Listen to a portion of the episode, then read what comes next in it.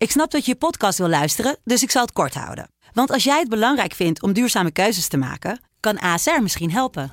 Nou hoor ik je denken, hoe dan? Nou, bijvoorbeeld bij het duurzaam herstellen van schade. Of de premies die we beleggen volgens ons duurzaam beleggingsbeleid. Dat bepaalt waar we wel en juist niet in investeren. Wil je meer weten over welke duurzame keuzes ASR maakt? Ga dan naar asr.nl slash duurzame keuzes. ASR doet het. Zo, dan kan je nu lekker naar je podcast luisteren.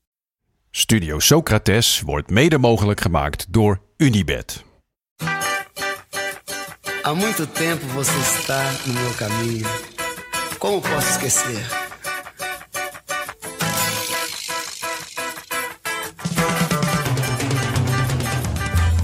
Welkom bij Studio Socrates, een podcast over alles wat voetbal mooi maakt. Elke week kijken we een memorabele wedstrijd in zijn geheel terug. Want vaak hebben we wel een beeld van een team of een speler, maar klopt dat wel? Was dat ene team nou werkelijk zo speciaal? Hoe speelden ze echt? En wat kunnen we ervan leren? We gaan op onderzoek uit. Met deze week Santos Flamingo. Een jonge Neymar tegen een oude Ronaldinho van 27 juli 2011. Seu modo de andar. Neymar. Facilidade do Neymar. Vai levitando o jogador do Santos. Aí o Neymar protegeu, fez o drible. Que lance do Neymar!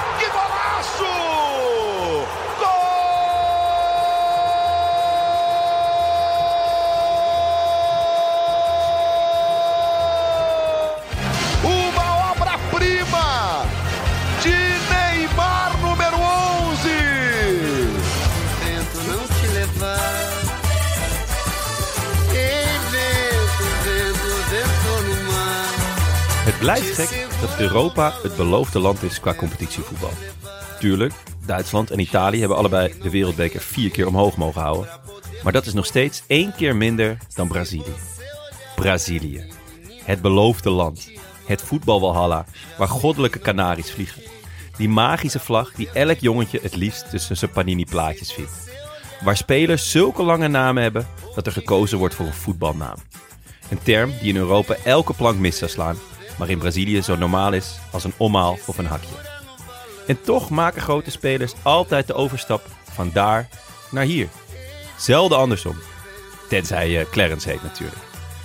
Op wat chaotische flarden na is de Braziliaanse competitie voor velen dan ook een blinde vlek. Tijd om de ogen te openen. Was het inderdaad een blinde vlek voor jullie? Absoluut. Zeker. 100%. Ik vind het ook misschien wel een van je mooiste openingen ooit. Ja, Oh, nou, ik vind ze nou. altijd goed, maar hier zat, er zat veel in. Ik sluit me hierbij aan. Ja, echt een Nou, goede. dankjewel jongens. Leuk. Dat is een goed begin van de podcast. Een, een goed begin van een, wat ik niet kan voorstellen dan een hele goede, leuke aflevering wordt. Want als je een aflevering van ons kijkt of luistert dit seizoen en een wedstrijd ook met ons mee terug gaat kijken, dat kunnen we vast verklappen. Doe dan, luister deze aflevering en kijk deze wedstrijd terug. Laat Ja. het deze zijn. Laat het deze zijn. Vooral deze wedstrijd. Kijk, de aflevering moeten we nog maar waarmaken. Ja, Maar we gaan er met zoveel enthousiasme in dat kan niet dat het eigenlijk niet meer mis kan. Behalve dat we misschien in de valkuil kunnen trappen dat we alleen maar gezegd, dit was zo vet. Dit was zo vet. dus bij deze, het was heel vet jongens. En nu terug rust pakken en Ja. eh, we gaan ervoor. We, Eh, gaan we trouwens, hebben- eh, we gaan trouwens ons best doen om de uitslag niet te verklappen. Oh ja, ja. Eh, want normaal kijken we wedstrijden terug die zo bekend zijn dat jullie allemaal de uitslag natuurlijk al lang weten. Bij deze wedstrijd is dat misschien niet het geval. Eh, en, dan, ja, en omdat het nogal spectaculair was, gaan we proberen het niet te verklappen. Extra spannend. Ja. Eh, we hebben dus die hele wedstrijd teruggekeken. Omdat we toch vaak willen weten of een team of een beeld van een speler wel klopte. En van een compilatiefilmpje dat je dat dus echt niet kan afzien. Ehm, en aan het eind van de aflevering vragen we onszelf drie vragen.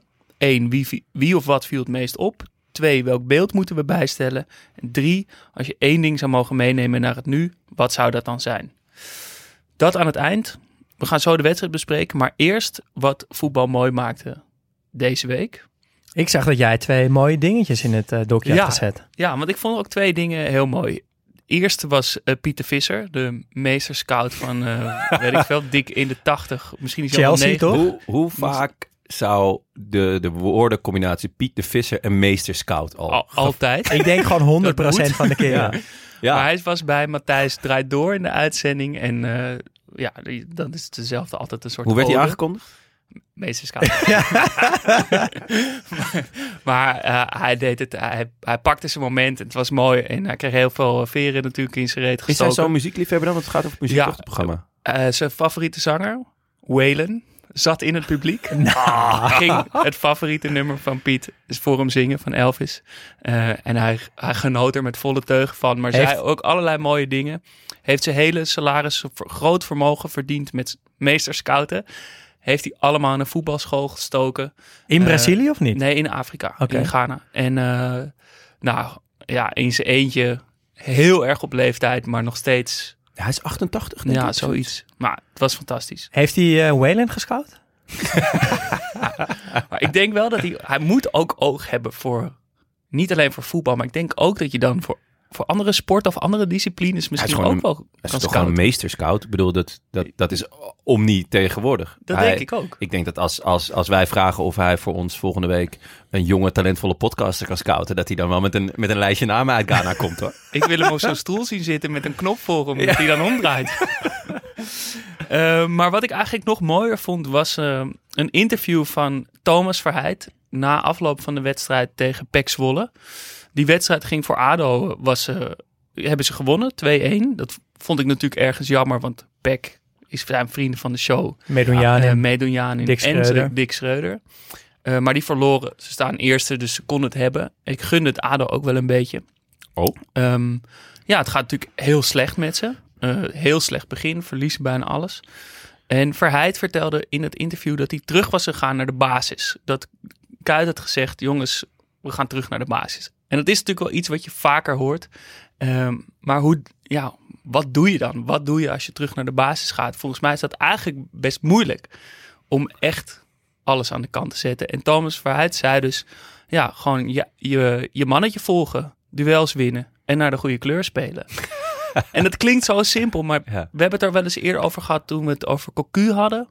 eh, Ja. Die nooit een slechte wedstrijd speelde, omdat hij, zoals hij zelf zei, als hij merkte dat hij niet echt in vorm was, dat hij gewoon hem meteen inleverde bij iemand die wel in vorm was, naar de goede kleur. En ik vond het toch wel echt eh, dapper en goed van Kuit. Je zet al je ambities in de wacht, je grote dromen, net begonnen als trainer. Je zit allemaal, eh, je wil van alles. En je denkt, nee, het werkt niet. Alles van tafel, mannetje volgen, naar de goede kleur spelen, duels winnen. En misschien is dat ook wel breder, dacht ik, in, in een tijd waarin teams op, zoals City en Bayern, op vier verschillende manieren druk kunnen zetten. en iedereen meerdere posities speelt. de En half inverted wingbacks. is dat eigenlijk het, is dat misschien wel het antwoord? Is Ja. dat het enige waarin je niet meegezogen wordt in zo'n gekke tactiek?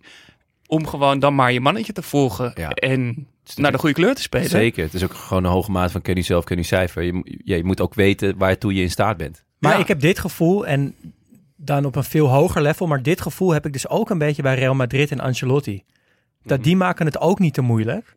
Die Nee. zorgen gewoon dat de juiste spelers op de juiste plekken aan de bal komen. En in verdedigend opzicht zakken ze gewoon een beetje terug, maken ze de ruimtes klein. Ja. Ik vind dat eigenlijk heel vet. Ja. Terwijl ik ook heel erg hou van echt hogeschoolvoetbal.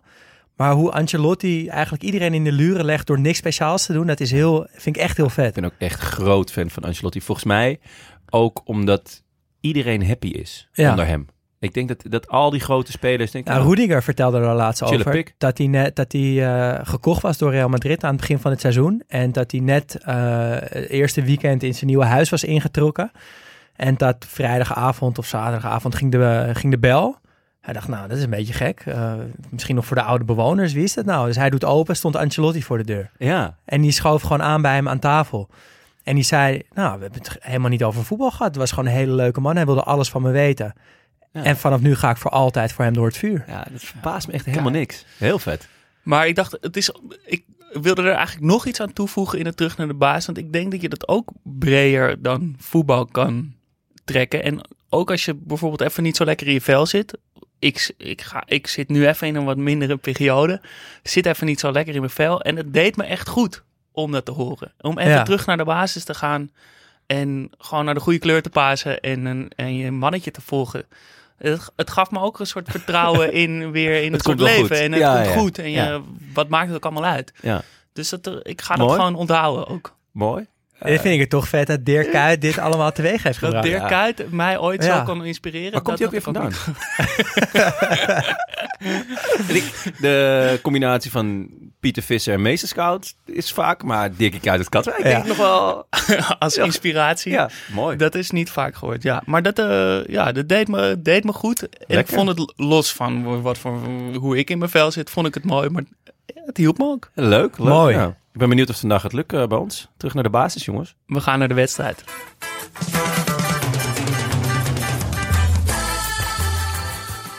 Ja, Santos Flamingo dus, 27 juli 2011. Ehm, en waarom deze wedstrijd?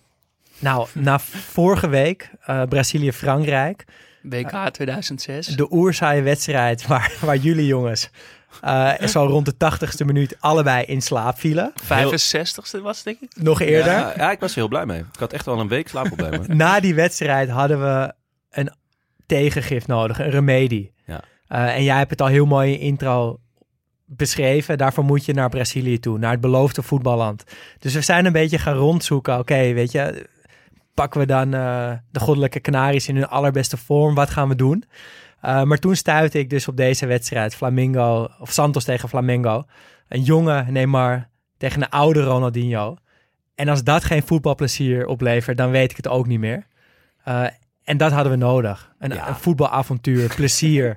eh, Ja, een tropische onverwachte verrassing. wendingen. Ja. Gewoon echt, nou eigenlijk ook weer terug naar de basis. En Ja. zoals de Van Gaal zei, het moet wel leveren, zo'n wedstrijd. Ja. en Ja. deze wedstrijd, die leverde. Ja, Ja, maar Dus het dat- voelt dus wel, ja, misschien is dat een beetje het thema van deze aflevering. Terug Terug, naar de naar de basis. terug naar de basis. Ja, maar terwijl het, het, het spel zelf was nou niet heel uitgekleed en, en sober. Nee, Er maar wel, hoe, in. ja, maar wel hoe het bedoeld is. Ja, dat wel. Ja, de- ja maar de- ik denk, ja, Ja. we komen er straks op. Ehm, waar keken jullie het meeste naar uit? Oeh, ja, dat, dat vond ik best moeilijk. Want ehm, het, ja, er was eigenlijk, ik had eigenlijk geen verwachting. De, nou ja, wat ik ook zei. De, Maar op een goede manier, toch? Ja, op een heel Of- goede manier. Dus ik ging er vrij, vrij blanco in. Op een aantal appjes van jullie na. Van deze wedstrijd. Wat gebeurt hier allemaal? Het eerste het half uur. En toen na het eerste half uur. De eerste helft. Nou, de tweede helft. Het gaat gewoon door. Dus, Maar ik zat ehm, het alleen te kijken en ik moest het delen. Ja, nee, ik kon het niet ook. in, inhouden. Terecht. Nee, daar is onze, onze groepsapp ook voor. Dus eh, ik, zat, eh, ik zat in een vrij matig film met Veronica. Gek genoeg gebeurt me dat wel vaker. En eh, ja, Steven, Steven Seagal? Kijk, Nee, eh, Kijk ja. films op tv? Ja, dat, het- het- ja, dat is gewoon gewoon... Ik draai dan spitsuur met kinderen en dan ben je op een gegeven moment echt uitgeput. En dan staat, weet ik gewoon nog een of andere gare comedy, weet ik veel, op Veronica aan. En dan komt daarna een film en dan meestal met Steve Seagal of eh, Jason Statham of zo, Ja, was ja, dit keer. En Jennifer Lopez. Nou... eh, Dan blijf je hangen. dan weet je, dit wordt een heel matige film. maar ik ga wel uitkijken. Maar op een gegeven moment heb ik hem uitgezet. Want ik dacht, ja, ik kreeg te veel appjes van jullie die te enthousiast waren. Ja. Fuck J-Lo. Ja, echt hoor. Ja. En dat, dat zeg ik niet vaak. Nee, nee ik, had, ik had een beetje hetzelfde als wat jij had, Jonne. Ik had gewoon zin in alles. Ja. Eh, want dit was de eerste wedstrijd van dit seizoen waarbij ik me niet zo'n goede voorstelling kon maken. Kijk, in Europa weet je hoe die stadions eruit zien. Ken je de meeste spelers. Eh, weet je ook hoe zo'n tv-registratie ongeveer gaat. Maar in Brazilië ja, is alles anders. Dus het voelde een beetje alsof we op ontdekkingsreis gingen. Het was echt Ehm, allemaal anders. Ja, en dan had ik het allermeeste zin in... Ja, koppen maar in. Een jonge Neymar. Ja. Ja. Ja, dat was, want dat was eigenlijk ook mijn enige aanknopingspunt voor deze wedstrijd. Een oude Ronaldinho, ja, ook leuk om te zien. Nou, had ik ook maar sowieso weer zo'n jonge, flitsende Neymar, waarvan toen in die tijd al compilatiefilmpjes rondgingen. Nou, is on- mijn relatie met compilatiefilmpjes zeker naar af- aanleiding van vorige week een beetje Ja. wat stroever geworden. Maar ik, ik weet wel dat ik die, die filmpjes toen zag en, en dat hij dat wel oversteeg. Dat je toch wel zag van, oh, Maar je- dit is niet Ken- zomaar. Kende jij hem al in 2011? Ja? Ja, dat denk ik wel dat ik, Ik- die, dat ik deze goals toen wel heb gezien. Ik denk echt pas na, na die strijd tussen Barcelona en Real om hem te tekenen. Ja. Pas toen wist ik ongeveer van zijn Nou, ik- bestaan. Nou, ik had een vriend die toen in Brazilië studeerde en die dus eh, een jonge Neymar veel heeft zi- zien spelen. In, eh, in Sao Paulo studeerde die. En die tipte mij wel, vroeg al van hey, Neymar, moet je checken. Maar om heel eerlijk te zijn heb ik dat toen niet echt gedaan. Want ik ben een beetje Brazilië talenten moe op een of andere manier. Dat gewoon om, om de paar maanden is er weer een nieuwe diamant uit Brazilië. En op een gegeven moment ben ik een beetje gestopt met dat allemaal volgen. En ik dacht, ja, Anders kan Pieter Visser natuurlijk zijn werk niet meer ik doen. zie het wel Zo- als ze, als ze eenmaal op de Europese velden eh, te bewonderen zijn. Maar eigenlijk is dat een hele slechte Ik wou net instelling. zeggen, op deze manier word je dus nooit de meeste nee, scout, hè? nee. En dan kom je dus ook nooit bij Matthijs eh, No- Draaf door. En nooit een inspirator. nee, maar dat, tuurlijk, je hebt natuurlijk eindeloos veel van die filmpjes. En ook wel compilatiefilms die het overstijgen. Zoals zo'n Kerlon die de zeehondendribbel deed. Ja, Ja. Dan denk je dan ook, oh ja, dit is wel iets speciaals. Maar dat, daar bleef het gewoon heel erg bij. Maar Ja. van Neymar kwamen er wel, e- zagen we wel echt dingen. Dat dacht, dat is zo buitenaards goed. En dan weet je, hij gaat naar Europa komen. Wat jij inderdaad in de intro zei. En die belofte dat je dus nog niet zo goed weet. Maar weet dat dit Ja. bizar goed is. En dat je hem binnenkort gaat zien in Europa. Die belofte, dat is ja, misschien wel mooier nog. En toch is het wel gek dat je dan, want eh, nou ja, je ogen beginnen te twinkelen, dat je dan eigenlijk nooit een, eh, een wedstrijd opzet uit, eh, nee. uit de Braziliaanse competitie. Het is Nee. nooit dat je denkt, oké, ik, ga er, ik ga ervoor zitten of, eh, nou ja, Maar hopelijk zijn wij met deze aflevering een inspirator eh, Ja, voor de mensen. nou ja, misschien wel. Ja, Ja, maar ja. in mijn beeld van die Braziliaanse competitie was ook heel... Ik dacht ik ook, het is een beetje een soort strandvoetbal en eh, een beetje leuke trucjes. En ja, heel- Ja. ja. in het zand en ja, samba voetbal. Ja. ik, ik had er ook los van de individuele acties niet zoveel verwachtingen bij. Nou, mooi, eh, mooi startpunt eh, voor de wedstrijd, denk ik. Ja, dus we hebben, we hebben die wedstrijd dus gekeken. Maar ja, wat, wat kan je nou verwachten van die Braziliaanse competitie? We kennen wel wat teams. We, we weten ongeveer wel wie misschien wat groter zijn. Maar hoe de verhoudingen echt liggen, geen idee ook. Ehm, dit was dus een wedstrijd tussen, tussen Santos en Flamengo. Twee van de meest succesvolle clubs uit eh, Brazilië. Allebei de clubs degradeerden nog nooit uit, het hoogste, eh, uit de hoogste competitie van Brazilië. Dat zijn er waren maar twee van de drie die dat eh, nog nooit eh, deden. Santos uit Sao Paulo, Flamengo uit Rio de Janeiro. Santos met een jonge Neymar, Flamengo met een oude Ronaldinho. Sao Paulo en Rio zijn de grootste steden, toch? Ja, Ook dat. En naast de competitie in Brazilië zijn er ook nog grote deelcompetities. Want ja, het land is misschien wel te groot voor één competitie. Dus er zijn ook eh, een competitie voor de clubs uit de provincie Sao Paulo. Er is een competitie voor eh, de clubs uit de provincie van Rio. De Carioca competitie. Prachtig. Ja. Maar er is dus ook nog een competitie voor de clubs uit beide provincies. En dan heb je Oh. ook nog bekervoetbal. En er er zijn Ja. als je ziet wat hun erelijst is, dan is het gewoon een lijst van acht verschillende competities en bekercompetities uit Brazilië. Ja, toen ik in Brazilië was, stond altijd overal voetbal op.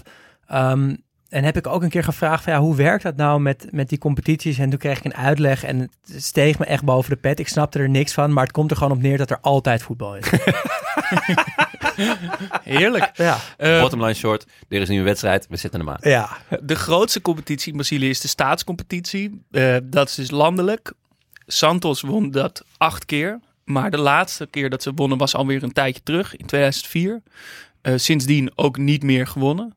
Flamengo heeft hem zeven keer gewonnen, maar ook sindsdien wel beter in vorm. Won hem nog in 2009 en sindsdien hebben ze ook nog een aantal keer gewonnen. Eh, Ronaldinho, dus die speelde bij Flamengo, begon bij Grêmio. Ging natuurlijk naar Paris en daarna naar Barça. En via Milan weer terug naar Brazilië, waar hij aankwam hier bij Flamengo. Daarna ook nog wat andere Braziliaanse clubs. Eh, Neymar is echt een kind van de club. Brak door, of hij begon in de jeugdopleiding in 2003, brak door in 2009. Ehm, speelde nog een seizoen na dit jaar en toen was hij echt niet meer te houden. En toen Dat is wel lang heeft hij Toen ging hij Vier naar de- jaar gewoon Ja. in, de, in de hoofdmacht. ja nee, volgens mij is hij gewoon heel, eh, heel jong gedebuteerd. Ah, ja. En heeft hij gewoon door de jaren heen inderdaad dan toch nog wel wat potjes eh, Ja. gespeeld. Meer dan 100 wedstrijden. Ja, ja heel leuk. Ehm, en hij speelt nu natuurlijk ook. Hij speelt eh, voor Santos dus en voorin, een beetje vanaf de linkerkant onder eh, diepe spits eh, Borges. Op 10 speelt Ganso, die naam kende ik ook nog wel. Verder op het middenveld Ipson, Elano kende ik ook nog en Arauco, Arauca, sorry. Verdediging van rechts naar links Parra, Edu Dracena, Durval en Leo. En op goal Rafael. Ehm, Flamengo stelt daar tegenover op goal Felipe. Van rechts naar links Leo Moura, Wellington, Angelim en Junior Cesar. Op het middenveld Williams, eh, Renato, Luis Antonio en Thiago Neves. En voorin Ronaldinho in een vrije rol om spits David heen. En het mooie is aan deze opstellingen is dat het gewoon 22 Brazilianen zijn. Insane. Allemaal Brazilianen. Echt vet. En er komen nog een aantal wissels in, ook allemaal Brazilianen, tot op een gegeven moment Bottinelli het veld betreedt. En dat is een Argentijn. Dus Die zou ik dus volle bak uit gaan fluiten. die, ver- die verpest het feestje een klein beetje. Maar ik, vond, ik vind het zo'n vet gegeven dat dus bij twee van de grootste en meest succesvolle clubs uit Brazilië, eh, dat er dan alleen maar Brazilianen in het veld staan. En dat geeft denk ik ook wel aan hoe ontiegelijk veel talent er uit Brazilië komt. Want in Nederland is het niet voor te stellen dat Ajax Feyenoord met alleen maar Nederlanders. Nee. En in Brazilië dus wel. Uh, en dan is er ook nog zoveel meer, weet je wel. Volgens Ja. mij kan elk team dit doen met alleen maar Brazilianen. Zoveel talent. Ja. Zoveel Ik moet wel zeggen, ja, ik neem maar en Ronaldinho, maar de rest was wel echt een blinde vlek voor me. Ja, maar dat- wat namen ken ik dan misschien wel Elano, maar Nee, wie dat dan ja. precies is, Nee. geen idee. De coach van Flamengo, die kennen we nog wel. Ja, Vanderlei Luxemburgo. Ah, ja. die hebben we gehad bij. bij Real eh, Barcelona. Ja, ja, precies. klopt. En toen maakte ik volgens mij nog een fout. Dat, ik zei dat hij eh, het WK had gewonnen, maar volgens mij, dat was dus uiteindelijk de eh Copa Libertadores. Copa America. Copa America, ja. Nou, bij deze even Ja. een rectificatie Dat is wel tussendoor. lekker, ja. Nou, beeldje in. We zien een eh, broeierige, warme avondwedstrijd in het stadion van Santos, midden in Sao Paulo. Een betonnen jungle wordt het vaak genoemd. En dat, dat merk je. Je hoort bijna het verkeer rond het stadion gaan. Je merkt dat het midden in die stad is. Het is een klein stadion, 16.000 fans, Villa Belmiro. En aan de ene kant, de korte kant van het st- stadion is hoog. eh, met skyboxen en eh, van alles erop en eraan. En de andere kant is een soort lage staatribune. Eh, Heel gek. met een heel groot spandoek waarop staat Torcida Jorgem. Ik kon het niet helemaal vinden wat het betekende. De verdraaide fans.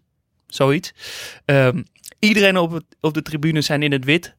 En tussen de stoelen door, op de tribunes, lopen overal mensen met grote dienbladen met snacks. Ja, ik Zo'n er- mooi beeld. Ja, heel vet. de Maar ik werd ook onrustig van. Ja, maar alles was onrustig. Ja, alles was de onrustig. sfeer om het stadion heen, Ja. in het stadion, Het was gewoon... in de vormgeving. Ja, je werd er gewoon een beetje wiebelig van Ja. of zo. ja. Toch? Ja, maar dat is, echt, dat is gewoon echt Ja. wat Brazilië met je doet. Ja. Zo is dat hele land. Ja, ik, ik vond ook, ehm, met name bij die skyboxen, eh, het was allemaal glas.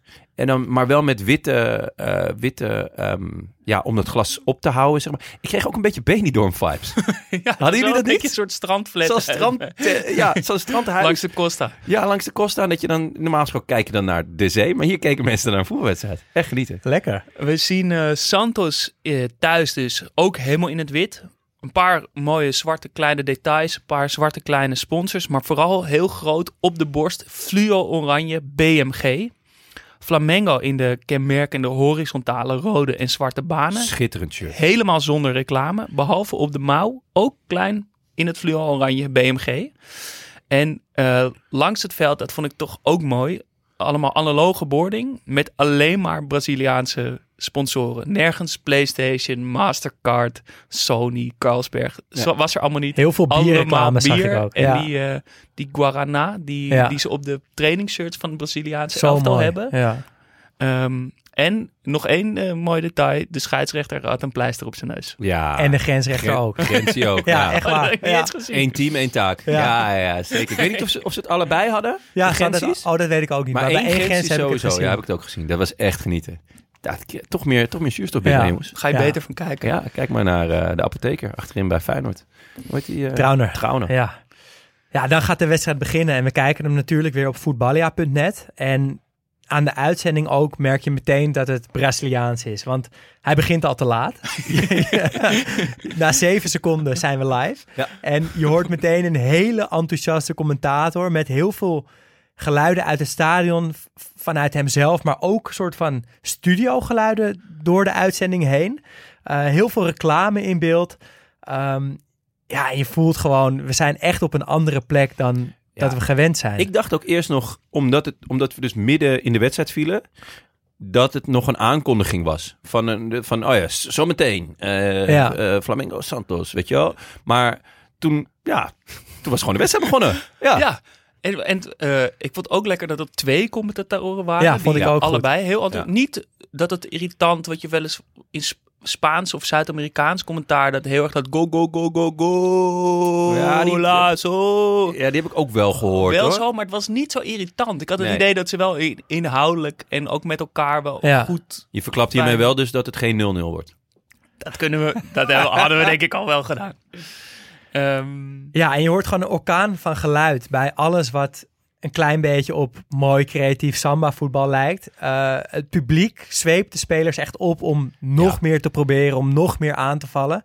En het barst dan ook echt gelijk los, want in de vijfde minuut eh, maakt Santos de 1-0. Eh, Borges op, ja, na een goede actie van Neymar. Hij speelt zich heel mooi vrij op het middenveld. Geeft de bal aan Elano, die met een soort van hoge steekpaas door het centrum Borges bereikt. Neemt hem aan op zijn borst en schuift hem langs de keeper. Ehm, leuke goal, niet heel bijzonder. Maar Ik vond die paas wel heel mooi hoor. ja, ja. ik was dacht wel- bij die paas had iets lager gemogen. Ja, Maar, ja. maar het was een goede paas. Maar daarna is het eigenlijk pas echt mooi. Uh, want er komt eerst een, een dansje bij de cornervlag. Voordat Borges denkt, ja, leuk dat dansen. Maar ik moet toch ook nog echt mijn flikvlak en salto even maken. en dan 1-0, we zijn begonnen. ik, ik was, omdat we ook zo midden in die wedstrijd begonnen, wat ik heel prettig vond, om er gewoon in één keer erin te gaan, niet dat gedoe in de catacombe, meteen begonnen. Binnen vijf minuten was er dus gescoord, was er een flikvlak gedaan, was er gedanst, er waren panna's gegeven, Ja. er waren passeeracties gaan. Waren- Ronaldinho had een hakje gegeven wat soort van steeg. Hij kwam niet aan, maar eh, gewoon een stijgend hakje. Ja. Dat ik echt dacht van, oh. Ik dacht eigenlijk nog dat het een soort samenvatting was, zo voelde Ja. maar zo voelde die hele wedstrijd. Ja. En er was nu in vijf minuten al twee keer zoveel gebeurd als in de hele wedstrijd van vorige week. En wat heel bijzonder was, is dat er werd dus gescoord en toen werd er muziek ingestart. En het was heel even zoeken, is dat nou in het stadion of is dat in de tv-registratie? En het bleek dus dat laatste te zijn. Uh, dus elke keer als er gescoord wordt... Nee, ik, ja, ik moest eraan denken, want ik heb op een gegeven moment de, de- een pauze gezet om te kijken waar dat geluid vandaan komt. Ja. maar het komt dus gewoon vanuit de tv-registratie. En ja, dat is misschien een mooi haakje om even goed aan jullie te vertellen hoe dat nou allemaal in zijn werk ging. Want dat is echt heel anders dan hier bij ons. Ja. Het is veel cha- chaotischer, veel speelser en ja, niet per se gericht op een lekkere, relaxe kijkervaring, maar gewoon gericht op spektakel. Ja. Uh, want je hoort dus muziek na de goals. Uh, soms komt er uit het niets linksboven kleine reclame in beeld met ook tekst daarbij. Ja. En, Um, maar ook bijvoorbeeld de score, daar draait ook een balletje in de hele tijd. En, Ja. en dat Ja. verandert ook steeds van kleur. En, Die, die reclames vond ik extra moeilijk, want ehm, omdat we het natuurlijk niet verstaan nee. wat ze zeggen, eh, zeg maar dat, dat commentaar, dat ging ook maar door. En dan heb je ineens eh, reclame en je kan wel een soort van aan de stem of aan, aan het volume of zo, of aan het enthousiasme horen dat het een reclame is. Maar je wist het ook niet gelijk, want het was ook niet eens altijd dat er, eh, eh, volgens mij althans, dat er ook daadwerkelijk iets in beeld kwam. Maar soms ook gewoon even zo.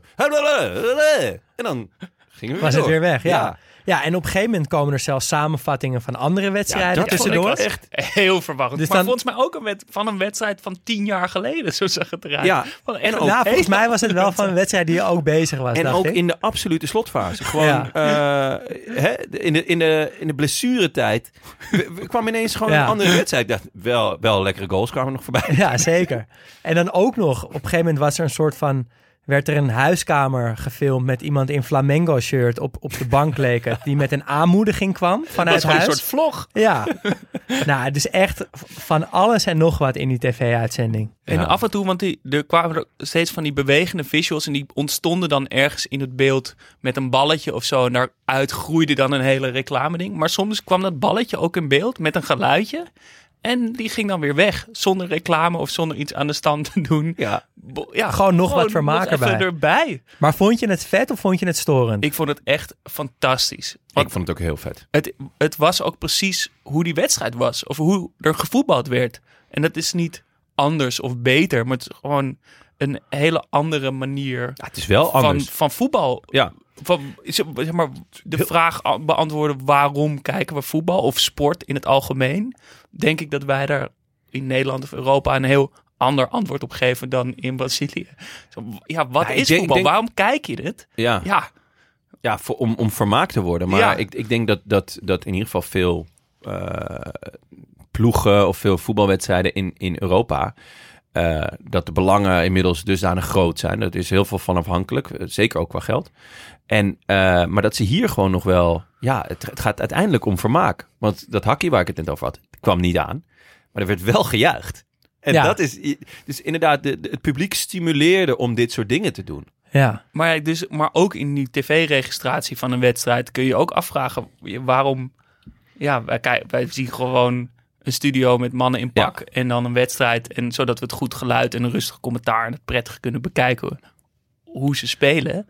Maar, maar je wil gewoon twee, twee jaar lang vermaakt worden. ja, Ja, het ja, kan ja. dus ook anders. Ja. En op het veld gaat het eh, eigenlijk ook door met puur vermaak. Want Ronaldinho begint zich te bemoeien met de wedstrijd. Eh, die heeft dan inderdaad al twee hakjes gegeven die niet aankomen.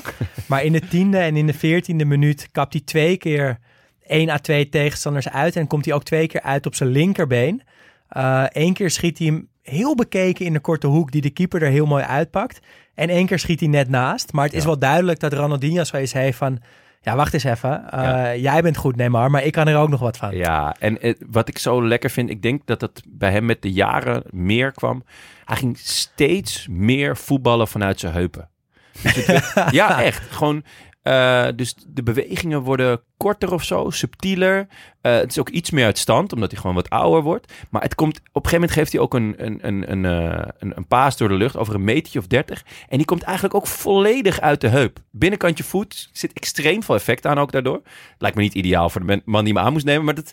Ja, je merkt gewoon echt dat het allemaal vanuit zijn heup komt. Echt heerlijk om naar te Echt kijken. mooi om te zien. Ja, hij begint zich te roeren, maar eh, Santos komt op 2-0 eh, in de 16 minuut. Borges na een assist van Neymar. Ja, en een bijzondere assist. Want Neymar onderschept de bal na een slechte breedtepaas op het middenveld. Eh, gaat een 1-2 aan, wat hij trouwens ook heel vaak doet en wat heel goed werkt. Eh, komt alleen voor de keeper, wilt hem stiften. De keeper pakt hem met één hand ja, in een soort van duikbeweging, pakt hij hem, doet hij goed. En in de rebound valt Neymar eigenlijk soort van ja, naar een omhaal toe. Maar hij mist de bal. Vervolgens komt hij op zijn bibs terecht. En die bal iets achter hem. En doet hij nog een omhaal. En die omhaal komt terecht, terecht bij Borges. En die kan hem in een leeg goal Gewoon binnentikken. Een omhaal assist Ja. na een stift die Na gepakt werd. En een omhaal Ja. en een mislukte omhaal. Het was echt wonderbaarlijk. Dan Echt zitten we in de wonderbaarlijk. 16e minuut. Zit in Ja. de 16e minuut. En ik moet ook zeggen, nu hebben we een kwartiertje naar Neymar gekeken. En hij ziet er ook echt fantastisch uit. Ja. Toch? er zijn, ik heb wel van die beelden gezien van een echt een jonge Neymar. En dan ziet het er echt uit alsof hij het shirt van zijn grote broer eh, aan heeft. Dat is al iets minder. Hij, is wel, hij heeft dan wat bredere, sterkere schouders. Zijn Maar benen zijn wel, op een zi- beetje wel nog een sprietje Maar je ziet wel, ja. Ja. hij heeft nog een soort puberachtige uitstraling. ja. Ehm, zijn haar, ja, volgens mij heeft hij krullen. Maar zijn haar lijkt gesteld met van die hele heftige wax. ja. Eh, In een, en een matje. ja, het model, dacht ik, is volgens mij dat hij zo, zoals een, een punker met een hele grote hanenkam 's ochtends wakker wordt. Want hij heeft, Ja. het zit in een, dus het is kaal aan de zijkanten en lang bovenop en, en zeg maar naar achteren toe. Maar dan valt het een beetje sluikplat Ja, alsof eroverheen. je net door een regenbuis gefietst. En het is een beetje rossig, oranje, maar ook best wel donker. Het, ik, ja, hij heeft Ja, wel en echt een- rare kapsels maar dit was misschien wel zijn beste. By far voor mij. Oké, maar als, hij, als je zo iemand ziet liggen onder een brug, Nee, op een stukje karton, denk je ook, ja, ook logisch. Ja. Toch? Ja, zeker, Ja. 100%. En hij, hij had ook nog van die eh eh, pols, eh, getapte pols dingetjes. En eentje in het wit en eentje in het zwart in de kleuren van Santos. Vond Ja. ik ook heel goed. Ja, dat Maar was hij toen wel- in, hè? Want de Nederlands elftal had het toen ook met die biostabiel. dat hadden ze zo'n sieraadmagneetje onder leiding van Snijder hadden ze om hun pols getaped, zodat het je was weer een van zijn mislukte ondernemingen. beter in balans maar, was. die, maar ik vond het, het zag er zo mooi uit met die kromme benen die Ja. hij al heeft. En dan die, ja, die dunne, dunne benen en Maar- dunne armen, maar wel breed. En hij, hij loopt ook breed. Jongen, eh, ik ben echt geen fan van de Mars. Ik haat hem echt, eigenlijk. Daar ben ik heel eerlijk in. Maar wat hij deze wedstrijd deed, en dan met name die eerste helft, hij was zo absurd goed. Ja, want wat, wat is je indruk van hem als je hem dan... We zijn een kwartier in die wedstrijd, iets, iets verder zijn. Maar wat is je indruk van Neymar? En eigenlijk ook, je, nou, Ronaldinho heb je net al verteld. Ja, echt een wondervoetballer. Gewoon, Ja. hij wordt aangespeeld. Het maakt eigenlijk niet zo heel veel uit waar. In de dekking, eh, eh, vaak, hij laat zich vaak wel uitzakken. Hij Heel wil hem liever in de voeten. Ja. Eh, vaak zakt hij uit naar links. Ehm, maar vaak met een man in zijn rug. Hij wordt echt wel kort gedekt. Heel kort gedekt. ja, en hij voetbalt zich er elke keer onderuit. En wat ik heel vet vind aan hem, en dat doet hij nu eigenlijk helemaal niet meer, is dat hij, hij maakt een actie, hij speelt in en hij loopt door. Ja. Dus hij is continu in beweging. Hij is ook heel snel. Hij, is- hij gaat heel vaak op, op snelheid eh, een 1-2 aan of een actie en dan is hij ook weg. Eh, en dat hij dan daarna naar binnen snijdt. Hij is daardoor ook heel effectief. Dus niet alleen dreigend en oh ja, wat is hij goed. Maar ook gewoon, oh ja, hij gaat gewoon eh, heel veel goals maken of een assist geven als, als ik hem nu niet tegenhoud. Ik vond het echt, ik vond Ja. hem zo goed en ook zo vet. Zo'n, Ja. Zulke vette acties de Ja, want tijd. hij is pas 19 en hij is Ja. echt by far de beste van Santos. En Ja. ik was ook e- ja, gewoon zwaar onder de indruk, want hij is snel, hij is wendbaar, hij kan allebei de kanten op passeren. Hij trekt het spel echt naar zich toe. Hij is gewoon onhoudbaar. Ja. Echt heel goed. En, En, ja, nee, sorry. nou ja, ik wilde eigenlijk alweer naar Ronaldinho gaan, maar veel, nee, ja, veel ja dat aan. is zo'n 90 minuten lang Ja. vond ik hem ja, echt ja, ja, ja. niet van de bal te krijgen. Ja. En eh, ik, ik, ja, inderdaad, zo snel wegdraaien en heeft de hele tijd zijn lichaam tussen de bal en die tegenstander. En dan is hij ook super fysiek. Houdt hij heel, ja. heel Ik kan fysiek bijna niet die, die voorstellen dat hij 19 tegenstander is. houdt hij echt af.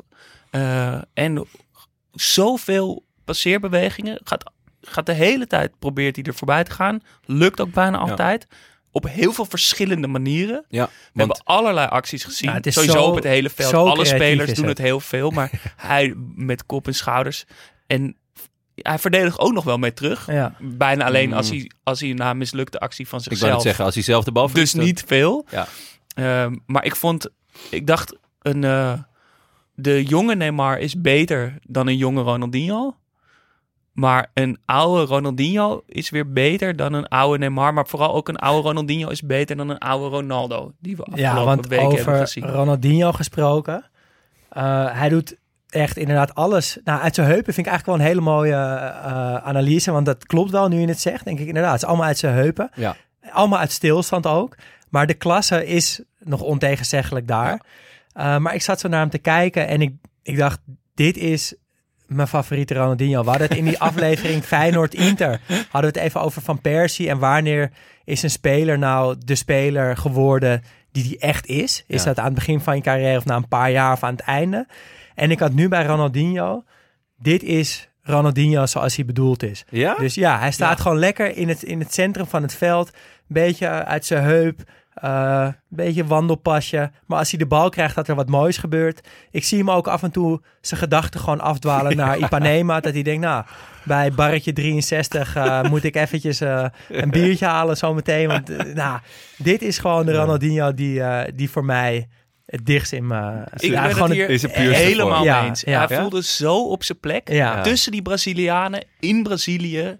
Een soort Ja. van, ah, eindelijk begrijpt iedereen me. Ik heb me uitgesloofd in Europa, zodat ik Ja. nu hier deze status heb en dit mag doen. Ja. Ik hoef niet altijd mee te lopen. Ik mag best af en toe een actie doen die mislukt.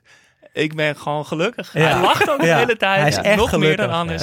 Hij, ja, hij, ik dacht gewoon, ja, precies. Hier ben je voor gemaakt. Dit, nu ben je op je plek. Mooi. Ja, dat gevoel had ik ook. En denken jullie dat...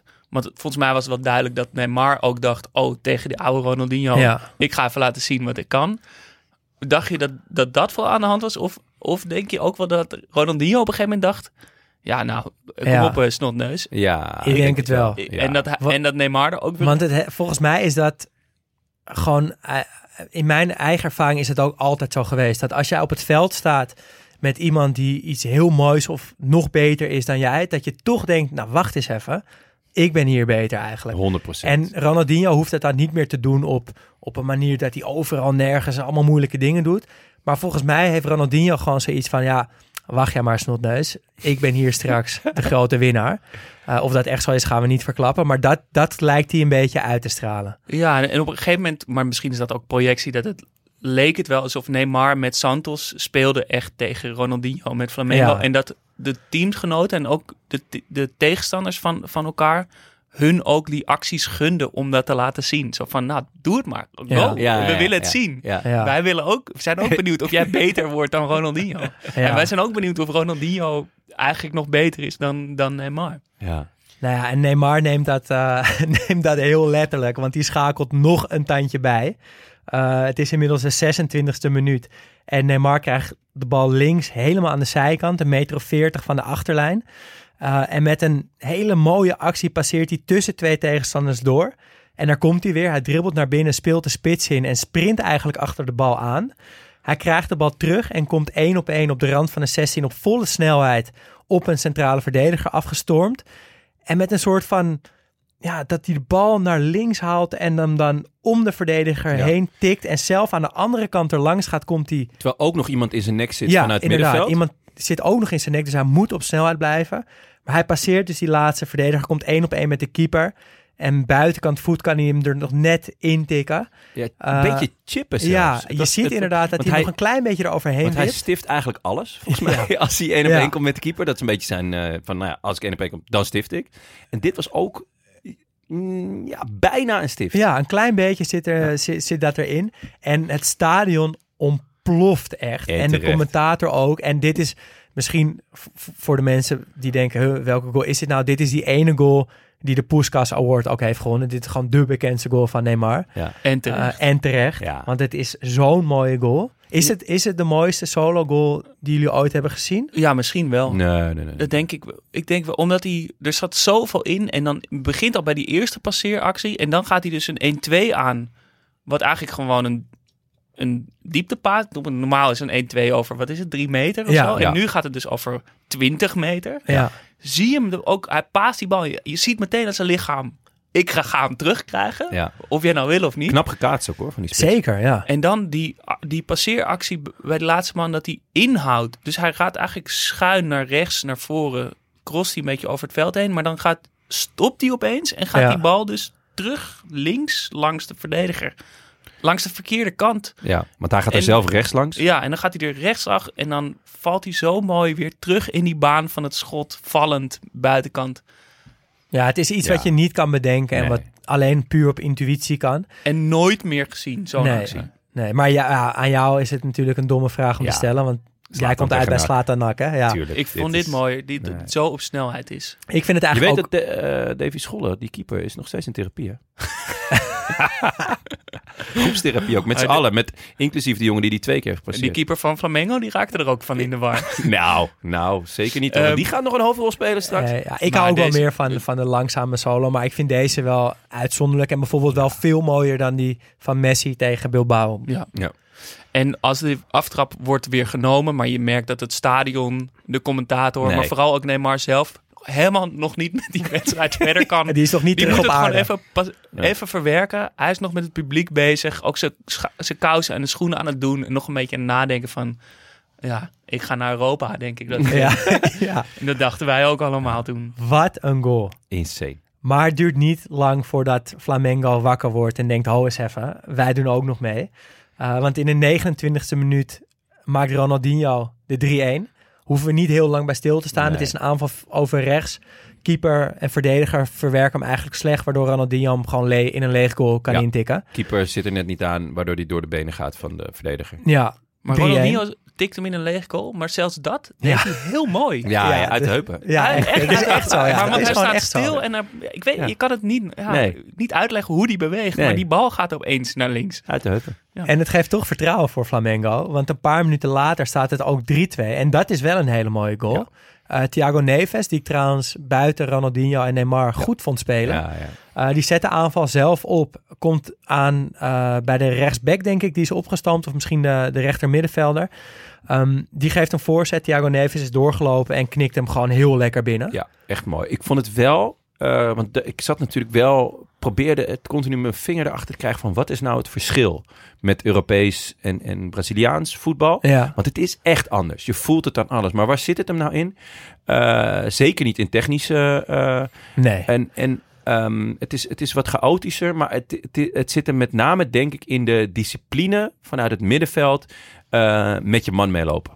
Want eigenlijk. Dat ze dat dus niet doen Dat ze dat veel minder Ja. doen. Dus eh, daarom is de 1-2 bijvoorbeeld heel effectief. Je Ja. speelt in en je loopt door. En eigenlijk zie je dan heel vaak dat eh, eh, verdedigende middenvelders... of, of gewoon midden- middenvelders überhaupt... niet of niet genoeg meelopen. Want nou ja, hij speelt hem zelf in, hij loopt door. Hij kan hem helemaal vrij inknikken. Wel echt een mooie goal. Hele mooie goal. Ja. Ja, weer over rechts 32 minuten gespeeld pas. en we 3-2. zitten op 3-2. En ik, ik was al...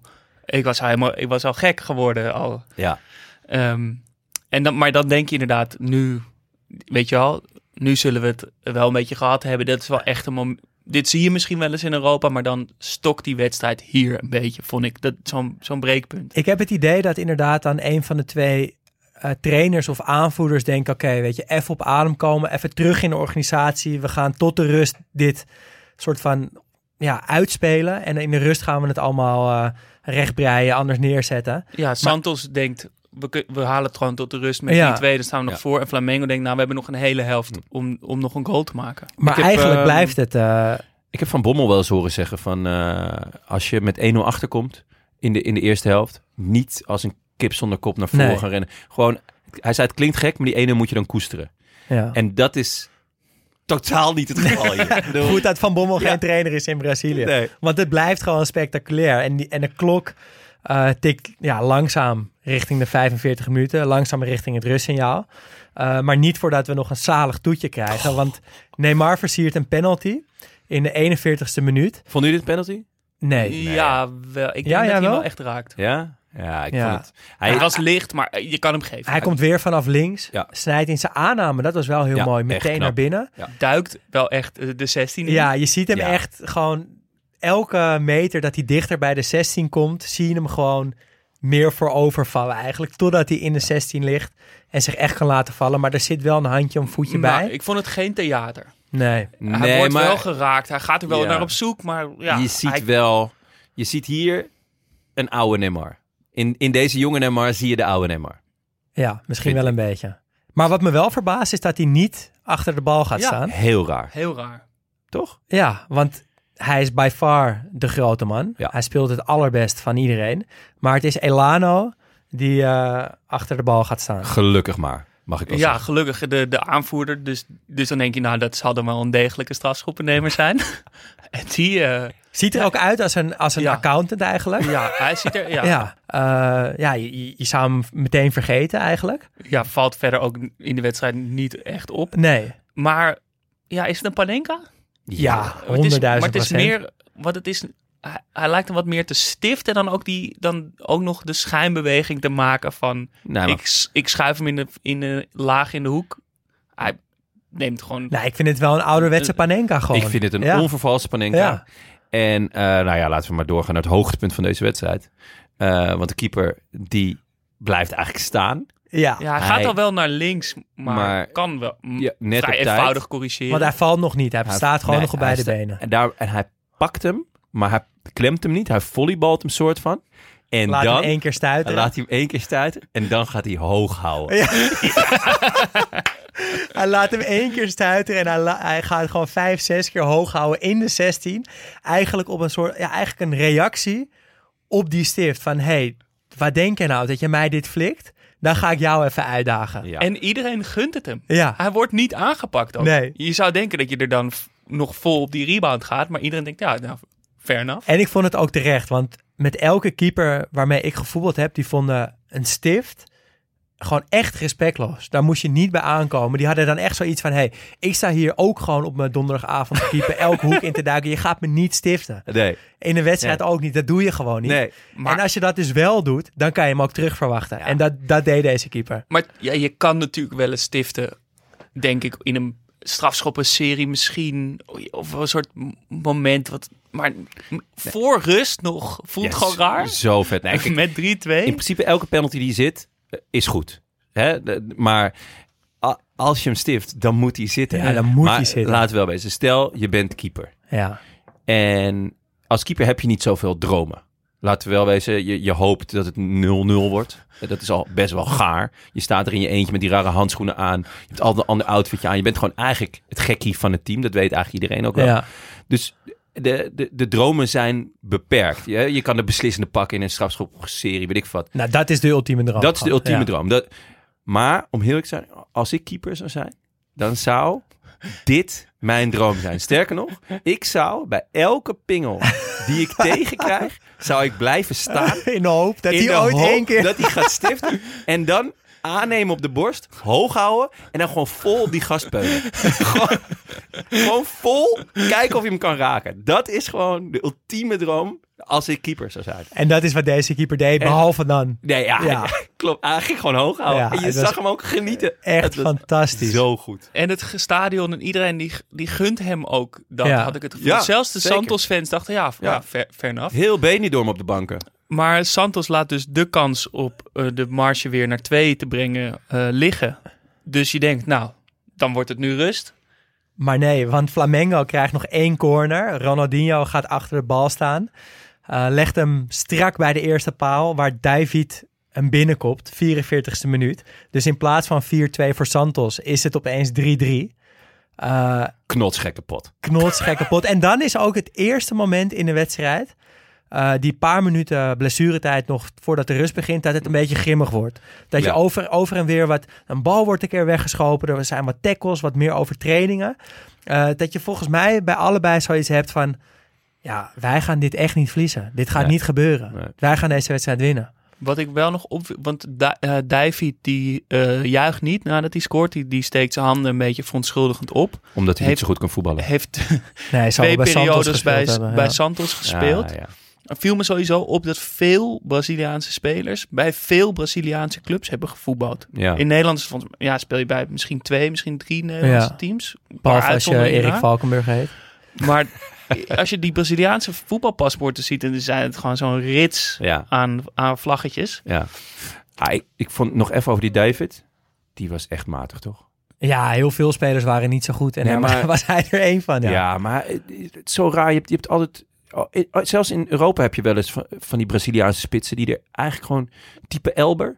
Dat je Nou, denkt, ik ja, vond het je- een beetje een fret, maar dan nog slechter. Ja, ja de, het dier. Ja. Dus niet ja, te voetballen. Nou ja, nee, één pot nat. Ja, Maar nee, goed. echt heel slecht. Het wordt eh, grimmig en hier miste ik wel echt commentaar. Want Ja. ik hoorde het, het, ik heb het fluitje volgens mij van de rust niet gehoord.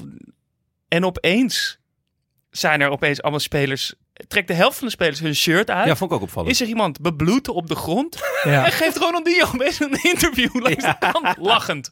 Terwijl er allemaal opstootjes zijn en er wordt Ja. geschreeuwd. Ja. Shirts uit, bloed. En Ronaldinho lachend een interview. En ik dacht nog dat de wedstrijd bezig was. Ik, Ja. ik werd Ja, dus het gek. is rust en Ronaldinho loopt inderdaad gewoon op zijn Zonder gemak, shirt. op zijn Ja. gemak zonder shirt naar de zijlijn en staat daar gewoon de pers te woord. Ja, En je ziet die damp nog een beetje zo opstijgen Ja. van zijn lichaam. Hij glimt helemaal. En hij staat daar met een Nee, grote lach een interview te geven. ja. Terwijl over er dus helft. achter hem langs opstootjes zijn met ook spelers met ontbloot bovenlijf. Shirt uit en zwaaien. Het Ja, is echt ongelooflijk. Ja, dat- Wat, en dus, oké, nu is het echt rust. Wat dachten jullie? Want ik moest echt... Normaal als, als ik voorbereid, kijk ik die wedstrijd altijd in één, eh, in één teug. Gewoon in één keer kijk ik hem. Dan ben ik, eh, nou, heb ik het gedaan. Dan kan ik lekker mijn aantekeningen een beetje uitwerken. Maar ik had nu echt zoiets van... Ja, nee, ik ga ook even pauze nemen. Weet je, vijf, geef mij ook even 15 minuten. Interviewtje langs Ja. staan, shirt uitgetrokken. ja. Ja. ik heb nog even de rest van die film afgekeken. Ja, eh, ik, ik bedacht me, ja, ik heb nog nooit Braziliaans voetbal gezien. Dat, dat kon ik eigenlijk bedenken. Ik heb Ja. dit no- nog nooit meegemaakt. Nee, ik, ik was dus van plan inderdaad om de eerste helft te kijken en dan naar bed te gaan. Het was inmiddels kwart over twaalf. Eh, maar toen dacht ik, nou, pak de tweede helft ook nog wel even Ja. mee. Heerlijk. En die gaat eigenlijk meteen van start. Zoals de eerste helft eindigt. Aanvallen, aanvallen, aanvallen, aanvallen. En in de 51ste minuut leidt dat alweer tot een goal.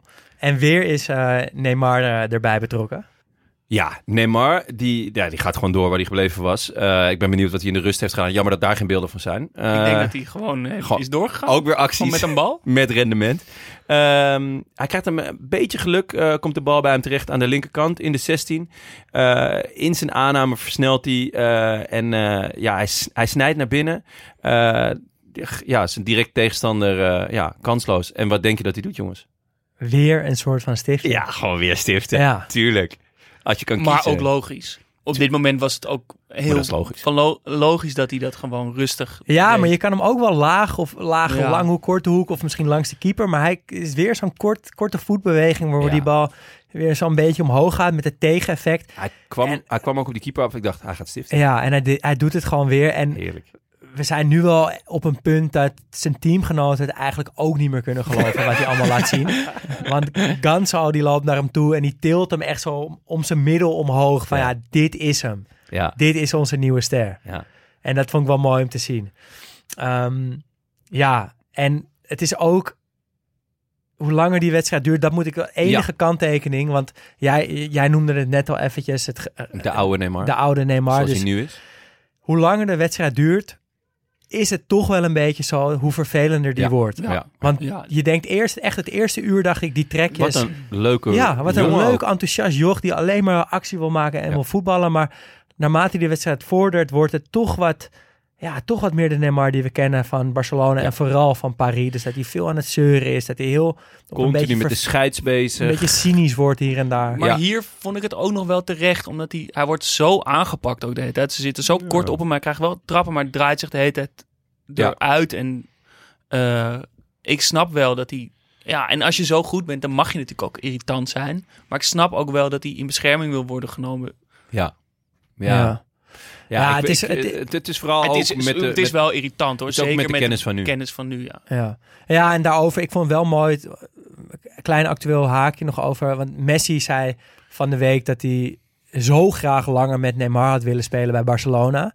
Eh, en als je dit dan zo ziet, dan, Ja. dan snap ik dat zo goed. Want dat, dat die vervelende kanten van hem, die overschaduwen te vaak hoe goed hij kan voetballen. En weet je, Messi heeft natuurlijk voorin daar samengespeeld met, met Henry, met Slatan, met Eto'o, met Suarez. Maar als je dit zo ziet, dan komt Neymar, denk ik, qua soort van pure voetbalkwaliteiten het dichtst in de buurt van Messi. En ik kan me ook heel goed voorstellen dat die twee elkaar zo lekker kunnen aanvoelen. En dat hebben we ook bij Barcelona natuurlijk vaak genoeg gezien. Maar dat is achteraf toch wel jammer dat eh, dat, dat zo kort Ja. heeft geduurd. Ja, Eh, wat ook een omdat ir- Neymar fucking gierig is. Er komt hierna is er ook een moment dat hij een, dat hij een eh, actie doet, een van de weinigen die mislukt. Dan, dan gaat hij wel mee terug. En dan in het duel om de bal eh, valt Luis Antonio. Eh, en die haalt zijn schouder uit de kom. Oh ja, ja. En die wordt Ja. op het veld met een handdoek, Ja. wordt die schouder weer terug in de kom gezet. En terwijl hij ook op een opgerold klein handdoekje bij- bijt. Ja. Dat was zo mooi. Oh, En dan- Dit ja, heb ik helemaal ja. gemist. Oh ja, dus ja, hij, nee. hij ligt op de grond en je ziet Ja. meteen hem naar zijn schouder grijpen. Ja. En dan komt die fysio en die, die wikkelt een, een, eh, een handdoek onder zijn arm. ja. En die staan met twee man echt die, die, Ah. die schouder er weer in te Ja. trekken. En dat doet waarschijnlijk zoveel pijn dat ze hem dus een Ja, dus, klein handdoekje ge- geven, opgerold om op te bijten. ja, dus wij hebben de wonderspons, maar in Brazilië hebben ze gewoon het opgerolde handdoekje. Ja, dus dat ook nog eens. Dat zat er ook nog in. Ja. Ja. En 4-3 staat het inmiddels en we hebben iets meer dan een uur gespeeld. En het is weer een beetje zo dat, ja, als kijker wacht je op het antwoord van Ronaldinho. Want Neymar is doorgegaan met, ja, met alles wat je de eerste helft van hem hebt gezien. Acties, goals, assist, alles.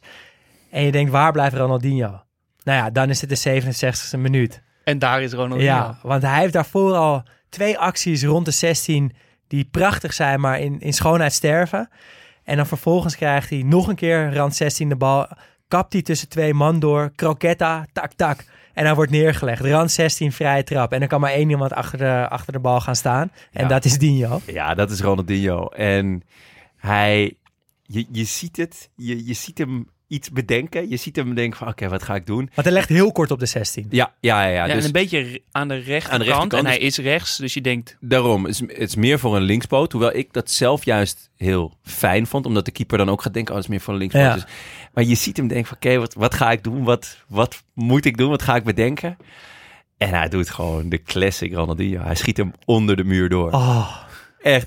De eerste keer dacht ik nog, oh, gaat hij nou om de muur heen? Ja, dat dacht ik maar ook. in de herhaling zie je heel goed dat die gasten echt hoog springen. Ja, En hij schiet hem gewoon zo simpel. Het is zo simpel, maar het, Het is, is daardoor zo geniaal. En het mooie is Hij nog is in, die, in die herhaling, ja zeker. Ja. In die herhaling zie je dat hij zijn aanloop zo zet dat het heel erg lijkt alsof hij hem over zijn stambeen hard in de lange hoek gaat schieten. Ja.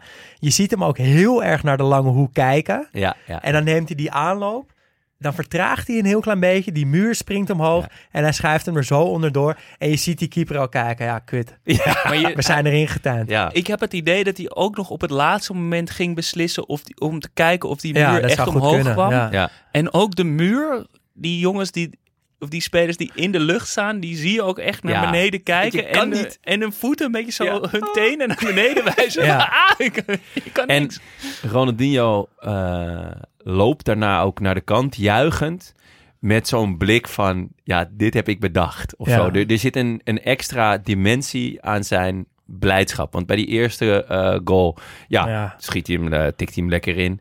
En, maar hier zie je echt zo van, ja, dit is de, specialiteit van het huis. Echt. En Heerlijk. ik wist zo weinig van deze wedstrijd dat ik gewoon keer op keer verrast werd. En bij deze goal had ik het gewoon echt niet meer. dat ik gewoon echt in mijn woonkamer stond te springen van ongeloof. En dit meen je niet. Ja. Zit dit er ook nog in? Jezus. 4-4. Ja, 4-4. 4-4. Eh, Ronaldinho twee keer gescoord. Neymar twee keer gescoord. Ja, Ja, je zou denken, dit is, this is it. dit, dit is het toch? Ja, nu is het perfect in balans. Dit voelen zij ook. Ze hebben allebei momenten gehad. Hiermee is het klaar. Maar dat is niet zo. Want je ziet Neymar heel erg nadrukkelijk op zoek naar de beslissing.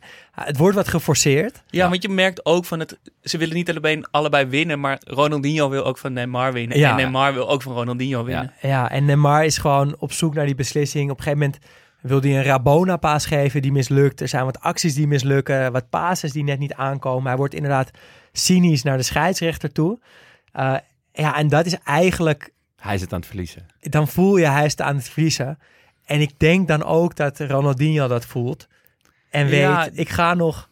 Misschien ga ik nog een momentje krijgen.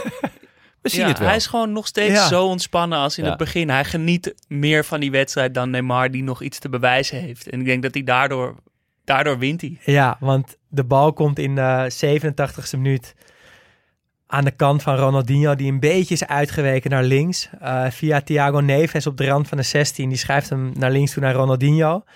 En die krijgt hem op een voor hem natuurlijk fantastische plek. Dat hij zo Ja. met zijn rechter binnenkant hem in een lange hoek kan schuiven.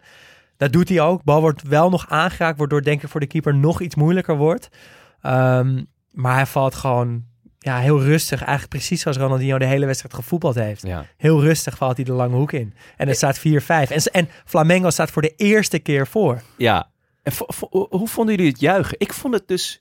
Ik zou helemaal loco worden. Ja, maar dit paste niet meer bij de Ronaldinho van deze tijd. Nee, nee, nee, maar ik vond ook zijn teamgenoten nog best. Ja, Eh Tuurlijk, ze werd wel echt gejuicht. Maar laat het wel wezen. Je, ga- je maakt een 5-4. Je staat voor het eerst voor deze wedstrijd. Ja. Het is echt een legendarische wedstrijd. 5-4.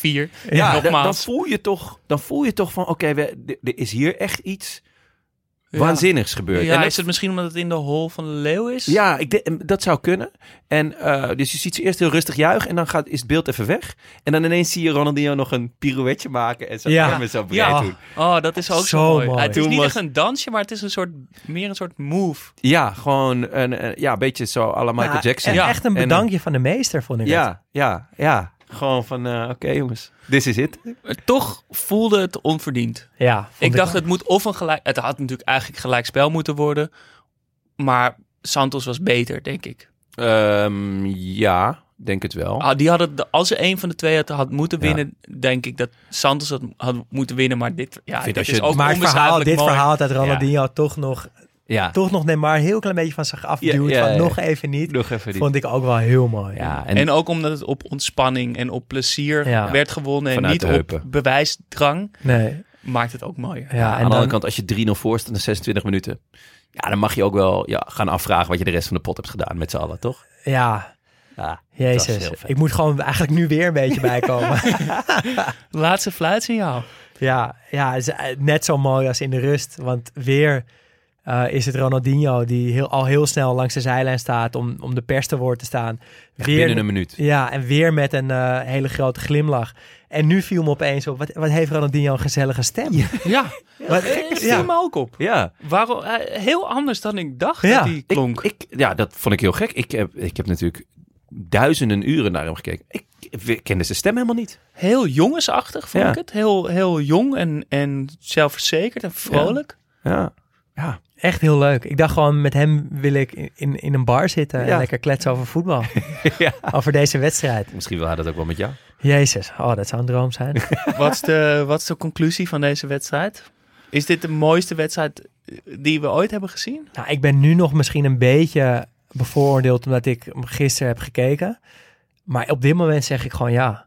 Ik heb echt denk ik zelden zo van een wedstrijd genoten. Nou, gewoon nooit zo van een wedstrijd genoten. Waar ik geen Ja. favoriet, weet je, als Ajax of het Nederlandse elftal wint, dan kan je Ja. nog meer voelen dan nu.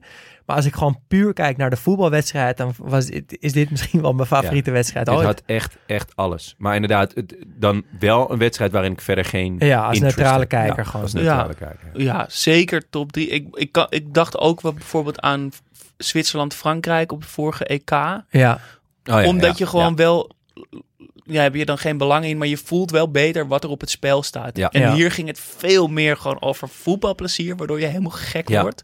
Maar daar werd je ook gek, ook omdat er zoveel spanning bij zat. En Ja. dat miste ik wel. dit voelde, het voelde Ik had- gewoon als een samenvatting van 90 minuten. ja, ja, precies ja. Dus je hoeft er geen moment eventjes in te dutten Nee. of eh, Jason Statham erbij te Of pakken. even vijf seconden doorspoelen, Nee. dat hoeft er allemaal niet. Nee, Hoogtepunt van de wedstrijd?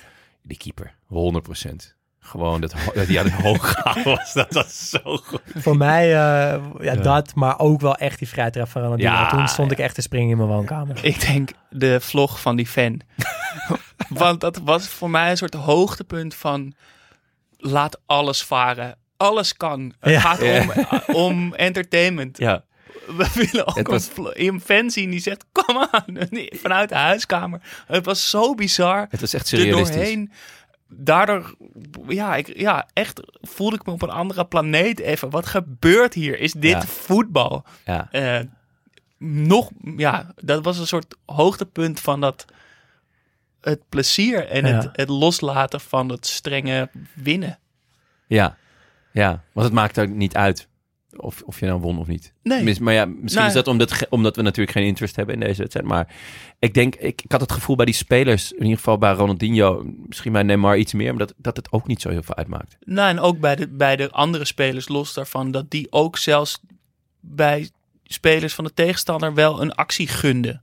Van, weet je, laat het maar even. Is er, ja, Ja, een soort, dat- dat, is een ruimte gaven van. Oh ja, Ja, dat Kijken maakte die wedstrijd zo mooi. Het was gewoon, het, het, het was voor ons allemaal, zo voelde Ja. het. En dat, eh, dat maakte hem zo speciaal. Ja. We gaan naar de vragen.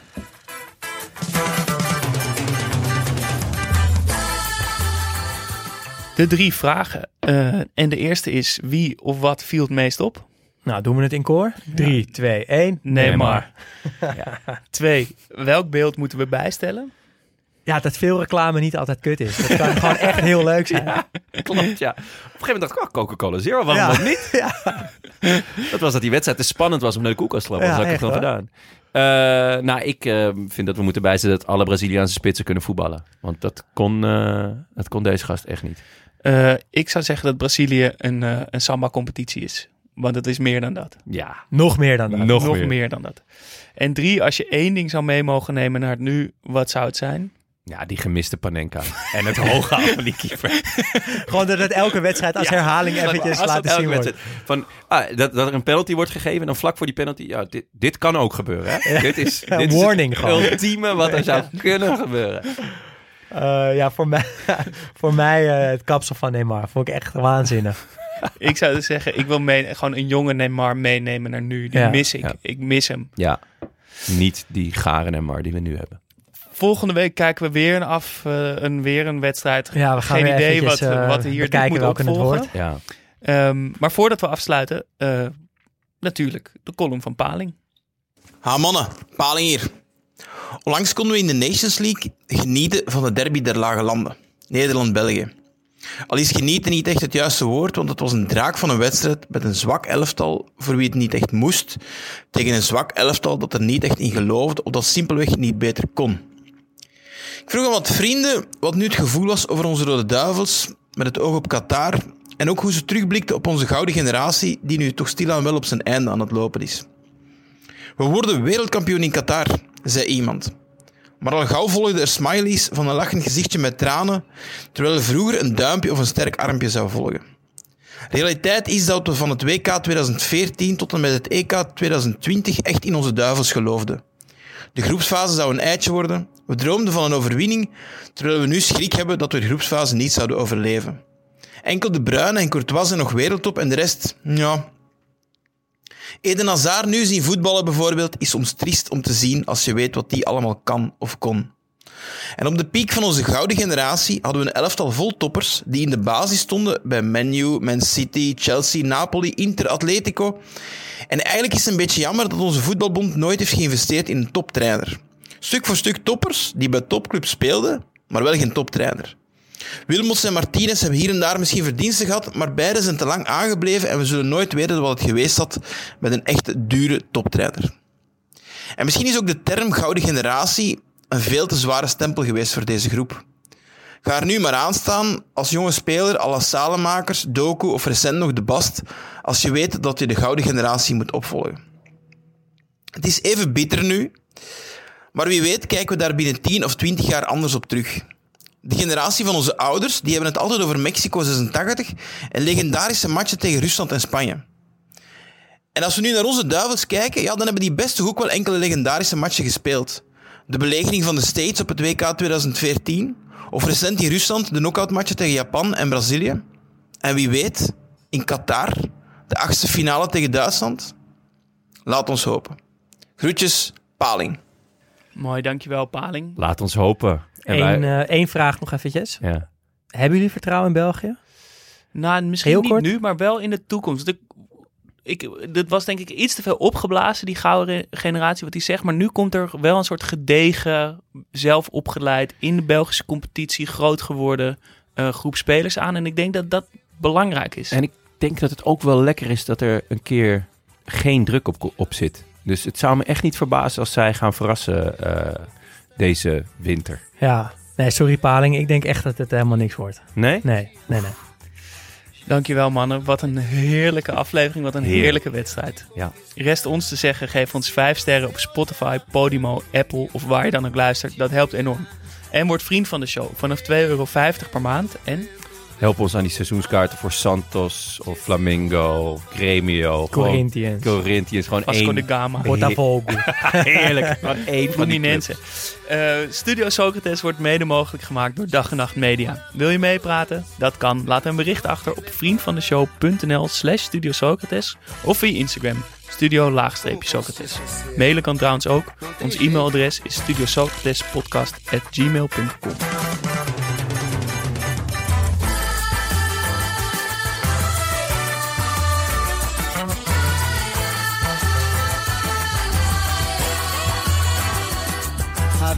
É você, menina, no seu jeito de olhar. O sucesso é você, menina, menina, no seu modo de andar. Alegria é você, menina, menina,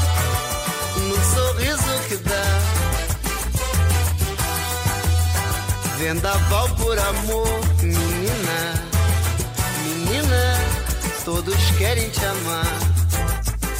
Ei, vento, vento, vento no mar, te segura no balanço, pro vento não te levar. Ei, vento, vento, vento no mar, te segura no balanço, pro vento não te levar.